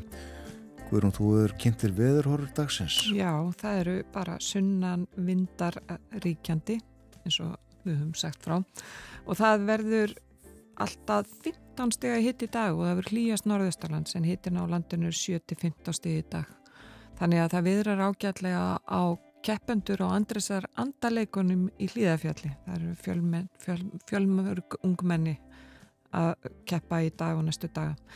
En það er á morgun þá er spáð suðvestanátt og rykningu með köplun á norðvesta hlutalandsins en annars verður söglag átt ríkjandi og bara yfirleitt bjart. Það verður sól um allt land held ég svona miðjan daginn og hitin verður 8-15 stig en það verður heldur svalara við breyðafjörð og vestfjörðun ekki nema 3-8 stig þar og svo fer að kóluna með norðanátt sem er vendarlega förstudag Tökumst bara á við það á förstdægin Akkurat. En uh, ég minni að vera illa og dótti verði með okkur hérna á eftir. Hún ætlar að segja okkur frá uh, konungnum í Marokko en fyrst þetta. Í dag verður víkt við hátilega að töfn hús íslenskunar á meðlunum í Reykjavík. Húsi verður framtíðar heimili stopnunar Árna Magnússonar og íslensku kjenslu við Háskóla Íslands og þar verður lögheimili íslenska handrita arfsins, þarna verða konungsbók, ettukvæða og flattegabók og öll hinn merku handritin, já þau verða varðveitt þarna um aldur og eilífð. Og uh, Víksla húsins fer fram klukkan 17.30 í dag. Á morgun sumadaginn fyrsta verður húsi svo opið gestum og gangandi en stopnarnirnar sem að þarna munu eiga heimilisfestu, það er, eru þó ekki fluttar inn, það gerist ekki alveg strax og uh, handrit á bókaarfurinn, hann verður flutturinn síðast, ég held að það verði í haust. En við viksluna í dag munu fósiti Íslands, fósætisráþherra og menningar og viðskiptaráþherra takk til máls og það verður tilkynnt um nafn húsins. Það var haldinn samkeppni, margar tillegur bárust og þetta kemur í ljóstatna einhver tíma sítiðis fyrir kvöldmatt vonandi hvað eh, húsi mun heita. Og þessu verður útvarpað hjá okkur á Rás 1, Víðsjá og lestinni verður slegið saman, sendt beint út úr bókasafni nýja húsins millir fjóru og sex og uh, það verður ekki bara að tala um þetta hús og starfsemina sem að þar verður og handritin, það verður líka fjallað um bókmyndaháttíði Reykjavík sem að verður sett í inn og klukkan 6 í dag og við ætlum að fjalla um hana á fastu daginn. En til að hita upp fyrir allt húlumhæðið í dag þá ætlum við að heyra núna brot úr uh, samtali Guðna Tómassonar og augmyndar Skarpiðinssonar aðal arkitekts húsins hann er á arkitektastofinu Hornsteinum Við uh, grípum hér niður í spjall þeirra en uh, það verður ítarlegra í útsendingunni í dag uh, milli fjögur og sex hjá okkur á rás 1. Við erum, við erum hér í, í málstofinni sem er hér í tengslu við, við, við, við ingangin í árnastofnun. Þetta er ími sem, að, sem að hefur tvöfaldan tilgang, það annars verður kemur til með að geima gamlar prentaðar bækur og síðan er þetta sömu leiðis eins konar móttökur ími fyrir, fyrir, fyrir árnastofnun. Þar að segja það týðkast mjög að, að komi svona ákveðni gestir sem að stjórnvöld vilja gætna uh, sína handrit og aðra merka, merka sem er í stofnuninu og þá er, er þeir leittir inn í þetta rými og fá að, fá að hafa hér njóta hlutana svona. Í róli heitum getum við sagt og við, við ákveðnar öryggiskröfur. En enn og aftur eru samt hluti af, af því sem er að gerast annars þær í húsinu. Mm. og það skiptir miklu mál og hérna sér við svona líka eitt af því sem við leggjum miklu áherslu á er það að fólk loki sér ekki inn í, inn í, inn í skrifstofunum, allar skrifstofunum þó þetta séu svona helmingur af vinnurímanum eru opinn og hinn helmingurinn eða rúmlega helmingurinn er lokaður. En það sem eru loku vinnurími þar er alltaf einhvers konar sjónarhott þannig að bæði þeir sem að eru inn í rímanum ekki síðu þeir sem eru fyrir utan rímin geta fylst, má segja fólk geta fylst hvert með öðru. Þetta skiptir máli, glöfur, já, akkurat sko. Og þetta skiptir máli þannig að, að, að fólk týnist ekki bara mæti sem efnilegir ungi fræðimenn og komið svo aldraða tilbaka halvur höld síðar og enginn hefur séð á Einmitt. Flösu grónir bara. Já, nákvæmlega, sko. Síðan er, er, er eitt sem okkur fyrst skipta miklu málu í beinu, beinu, fram, beinu tengslu við þessa hugmyndum að, um að fólk festist nú í skrifstofunum sínu. Það eru þessi gangar, að, að allir gangar í húsinu eru, er, við erum að reyna svona að segja þessum hefðbund að gangi stríð og hendur og með því að, að nota þá sem, sem hluta vinnurímanum á göngunum er, er varveittur hluti bókasats árnastofnunar og, og, og, og vinnugögn og annað þess aftar þannig að fólk verður að fara út úr skrifstofunum sínu fram að gang og hitta annað fólk og eiga það samskipti þannig að þetta er líka samgönguleið og samskiptaleið í, í bóstalegri merkingu þessu orðs. Þetta minnum mann aðeins á gangin út í átnáttofnum. Já, þetta er aldrei svo leist nema í þessu tilviki þá höfum við brotið hann upp með því að sitja alla hillunar á svolítið aðeins að nikja þeim til þannig að það brítur upp þetta hefðbundna langa form. Og svo fyrst skiptir miklu mála að við endan á göngunum séu ljós, er ekki það sem við viljum alltaf sjá við endan á göngunum, einhvers konar ljós. Byrstu og byrstu hún á streyma inn þannig að, að hérna þannig að enn og aftur tengingi við bæin að fólk er í tengslu við umhverju sitt þó að sé að vinna hér inni, þá er það í tengslu við það sem er að gerast og lífið fyrir utan. Þetta skiptir náttúrulega miklu máli sko. Það komir einhver listaverk frá háskólanum Já, við erum hérna nokkuð verk þannig til þess að aðeins að setja smá tóni í þetta. Já. Já, þetta er, þetta er samileg kaffistofa hér á þrýðjuhæðinni allra starfsmannahúsins. Það er náttúrulega eitt af því sem verður feikilegu munu fyrir, fyrir starfsemin að fá, fá alla þá aðeila sem hafa verið dreifðið svo víða síðustu árun og áratýjuna inn í eitt rými. Þannig hérna fyrir samileg kaffistofa bæði árnastofnunar og háskólans og enn og aftur, þetta er, þetta er rými svona sem að sem að tengi sér mjög vel við það sem er að gerast fyrir utan húsið og það er svona alveg skýr skilabóðum að starfseminn sem hér er inn í húsinu, hún er líka hluta því sem er að gerast fyrir utan það.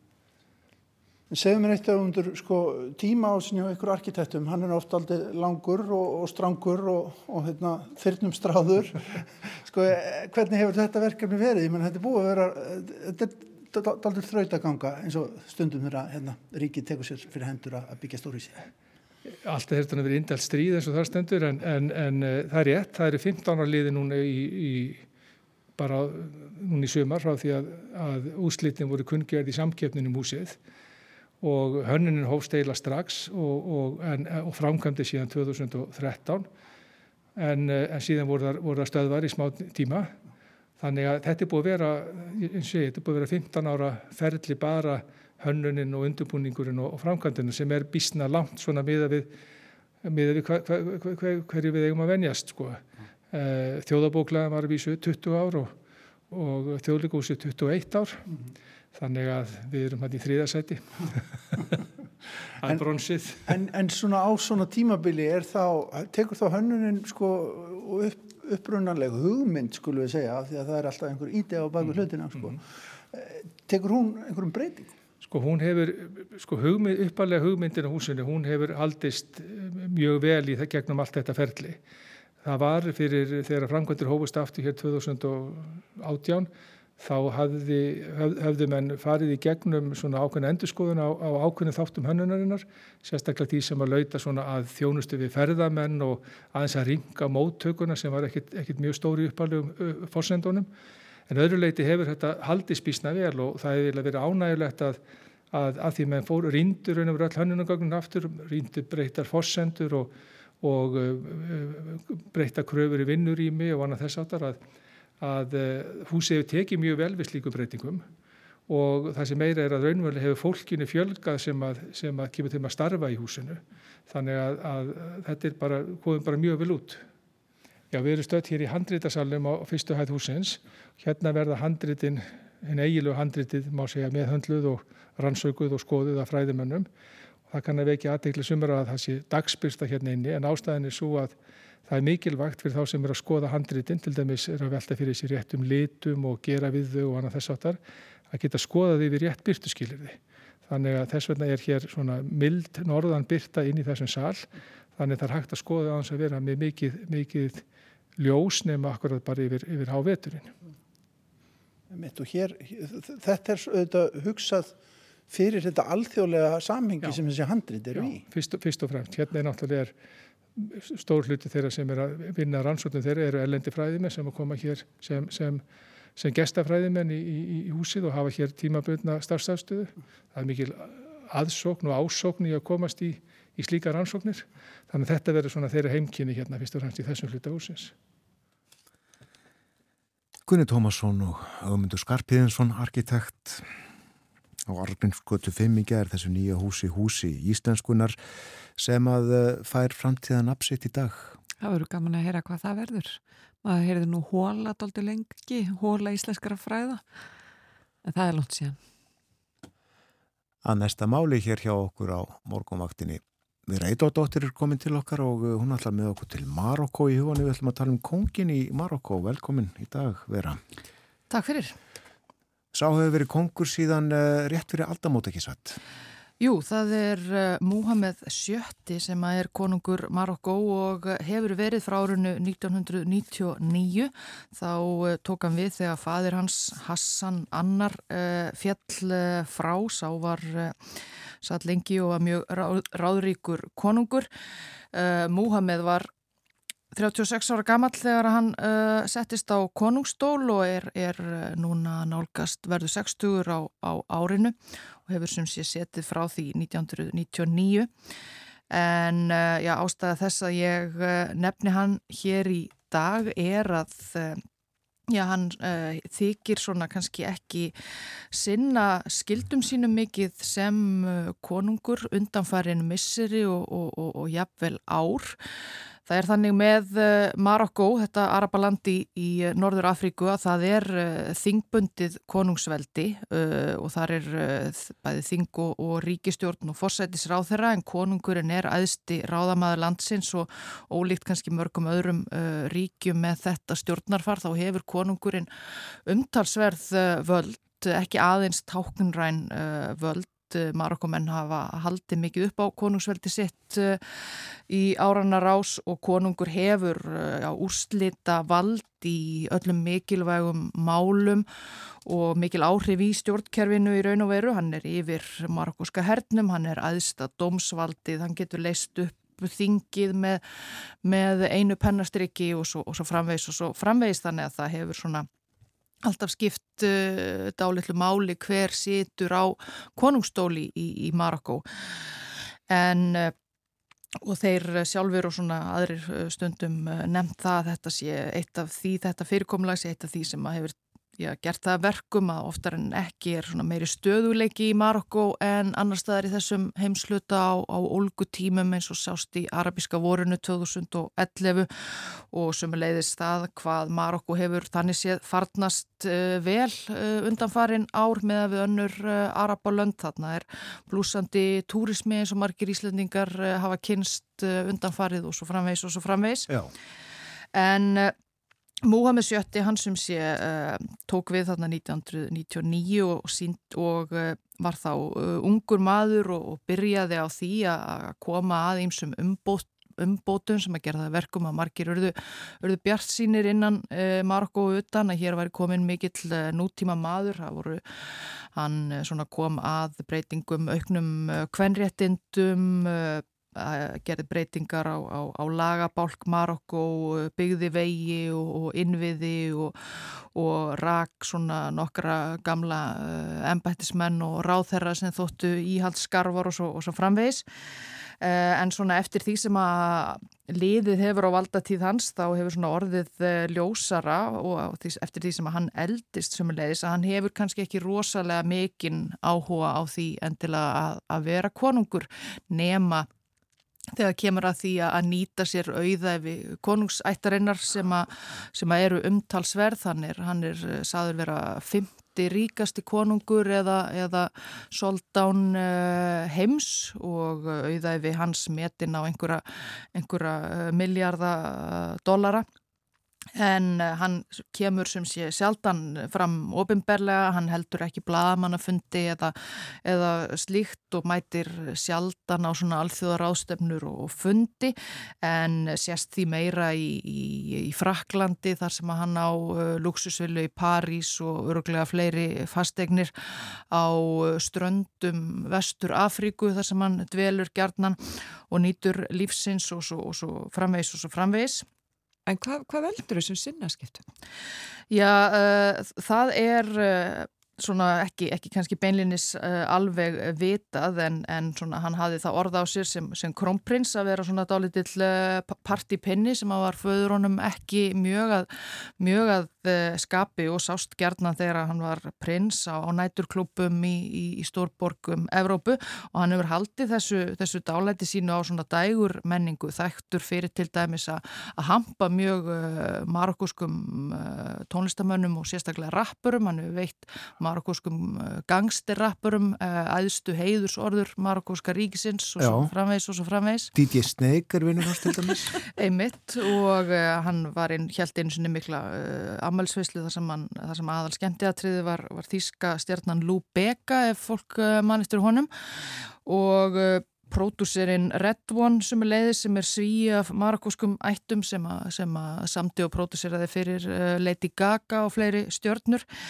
En uh, núna í, í nýjasta uh, það er fjallað um konungin í Economist laung grein sem að, að fréttarittari Fréttarittari ekonomist í miðasturlöndum Nikolas Pelham skrifar um þetta mál og sérstaklega kannski nýjustu vini konungsins og nú þykir eh, mörgum nógum þann vinskap. Það er í gegnum þennan sænska Producent Red One sem að hann kynnist virðist vera 2018 konungurinn þremur bræðrum sem eru af marokkoskum ættum en fættir og uppaldir í Þískalandi í, í smápa í grend við Köln. Asættar bræðurnir Ottman, Abu Bakar og Ómar og tveir þeirra Ottmann og Abu Bakar Asaitar þeir eru þeir stunda blandaðar uh, bardagalistir og hafa og, og uh, Abu hefur, hefur keft í uh, UFC eins og Gunnar Nelson og síðan er þriðji bróðurinn Ómar umbóðsmaður þeirra. Og þeir eruðu frægir í, í Þískalandi svona fyrir, fyrir luxuslíf í, tengslum við íþrótt sína, voru sáist gerðnan umkringtir uh, fóboltaköpum, ökuþórum, uh, leikurum og öðrum, öðrum stjörnum og kynna sem sé konungi Marokko 2018 og fara að verja með honum uh, að þér virðist á samfélagsmiðlum og, og, og frásögnum í þessari Grein Economist uh, mjög uh, miklum tíma Já. og Abu hefur, hefur keft sífælt minna í sinni íþrótt eftir að kom til þessa vinskapar við, við konungins og, og þeir bræðurnir hafa undanfarin ár ferðast með honum til Fraklands, til Afríku, þeir hafa verið saman á Seychelles eigum, farið í luxus snekju emirsins í Katar með honum og ferðast í engaþóndum konungs og svo framvegis og svo framvegis og hafa orðið svona að er verðist hans nánustu vinir og, og, og eh, jável ráðgjafar. Og í þessari greini ekonomist er vitnað í, í, í starfsmenn, embættismenn uh, við hirð konungs sem að, sem að hreinlega blöskrar að þessir bræður sem að þeir eru 30 árum yngri en, en, en konungur hafi eh, komið sér svo nálagt honum að þeir séu orðnir eins konar eh, hliðverðir konungs og stjórni því hver fær áheyrn hjá konunginum og hver ekki uh, hafi bannað bæði ráþerrum og, og, og sömu leiðis ættingum konungsjafvel aðalsborðnu fólki að hitta hann. Engin, fólk megi ekki nálgast konungin nema með hans leifi og þeir gangi þarna bara frjálslega í, í uh, hans, hans eigur allavega, þeir farið niður í bílakjallara konungs og, og setist þar upp í hvaða sportbíl eh, sem er og hafa, hafi að fylg sérst uh, fljúandi um í orustu þóttum marokkóska hersins.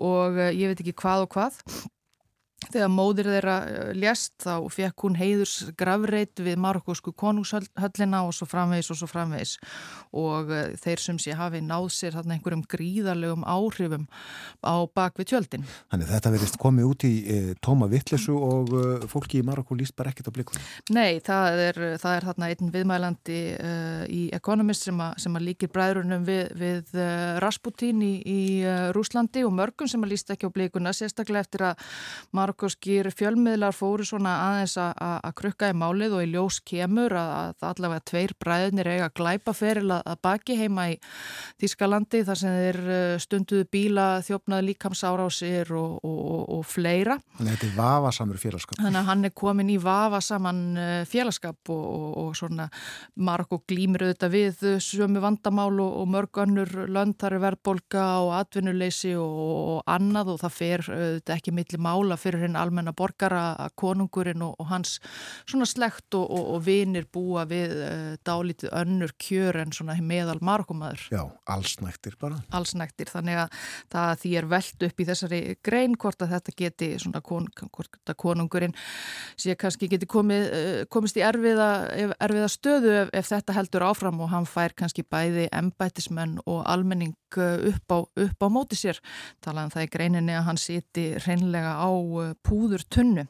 Reyndar eitt uh, jákvætt nefnt uh, sumulegis, það er að konungurinn hefur, hefur grenst talsvært eftir að hann kynntist þessum bardagamönnum, hann fer greinlega með þeim í rektina, hann var orðin svona þótti vera orðin daldi ískikilega ídurvaksinn á, á tímabili en, en hefur allavega grenstörlitið eftir að hann kynntist þessum köpum. Það er mitt það. Og verður hann bara kongur uh, áfram eða, eða er eitthvað möguleiki fyrir þjóðin að Völdum? Það, eh, það hefur, það er nefndan í greininni að sömur Marokkumenn séu farnir að líta svona á það sem þeir kallu spænsku leiðina þegar spánar konungur Juan Carlos eh, saði af sér hér um árið og mögulega geti þá yngri bróðir eh, Muhammeds tekið við eða, eða sonur hans kronprinsinn hann Hassan sem, a, sem a er 19 ára gammal en það eru líka fordæmi fyrir því í margróskri sögu að herin reynlega fari að, að skipta sér af, af stjórn ríkisins. Þetta vorum uh, konung Marokko, Muhammed VII. Já, það er áhugavert að heyra þessu sambandi þeirra félaga. Þakka er fyrir þetta vera yfirlega dóttir. Og þá er klukkan alveg að verða nýju, vantar endar sjö mínútur í en uh, morgunvaktin er að ljúka. Og uh, það hefur ímislegt verið á Dasgrá, vera núna með kongin í Marokko og uh, á undan röldu við aðeins um uh, húsið á Melunum nýja sem verður uh, framtíðar heimili íslenskunar ef svo má segja. Árnastofnum verður þarna og íslensku kjensla háskólans og handreitinu þetta meira en það hjá okkur á rás 1 setnipartin Áski Brynja var hér og talaði um efnaðasmál og hóum okkar rappa að segja frá þessum nýjustu verðbólgumælingum í Breitlandi. Já. Verðbólgan fór örlítið niður, er enn yfir 10% og fór miklu minna niður heldur en vænst var. Já, mesta verðbólga í vestur Evrópu er í Breitlandi. Svo með okkur Trösti Jónsson viðfræðingur. Já, og hann sagði okkur frá El Niño og áhrifunum sem þessi kyrrahafs, ef- ef þetta veðubriði, fyrirbriði hefur á hittan í heiminum. Mjög áhugavert. En hann treysti sér ekki til að spá til um veðrið sumar hér. Nei, talaði þarna um uh, svona væntingar og beitti væntingastjórnum Já. sem er svona tæki í stjórnunafræðum. Við erum uh, býstna góðu vön og uh, viljum alltaf meira og meira og meira. Akkurat. Og Betra við, og betra og betra. og við gleymum alltaf hvernig veðrið var í fyrra jafnvel. Fleira var hér líka á dagskrá. Við uh, reyfiðum upp stofnum borgarbókasapsins í Reykjavík sem uh, heitir það núna en hétt fyrst alltíðu bókasapni. Það var fyrst til húsa uh, fyrstu árin ára tíuna í tveimur herbergjum í húsi við skólaurustík. Akkurat. Og það er rástefna í dag um alþjóðasamvinn og krosskutu í húsi Vigdísar, Veröld, frá klukka 10 til 17. Og við kveðum auðvitað veturinn í dag, hilsum sumri á morgun þá sumadagurinn fyrsti og við förum í spariföttin og uh, tökum fram fánana, blöðrurnar en uh, verðum hér eins og yðurlega að mótni fyrstu dagsins og uh, þá segjum við góðan dag þegar klukkunum vantar tími til sjö en við þökkum samfélgina í dag. Verið þið sæl.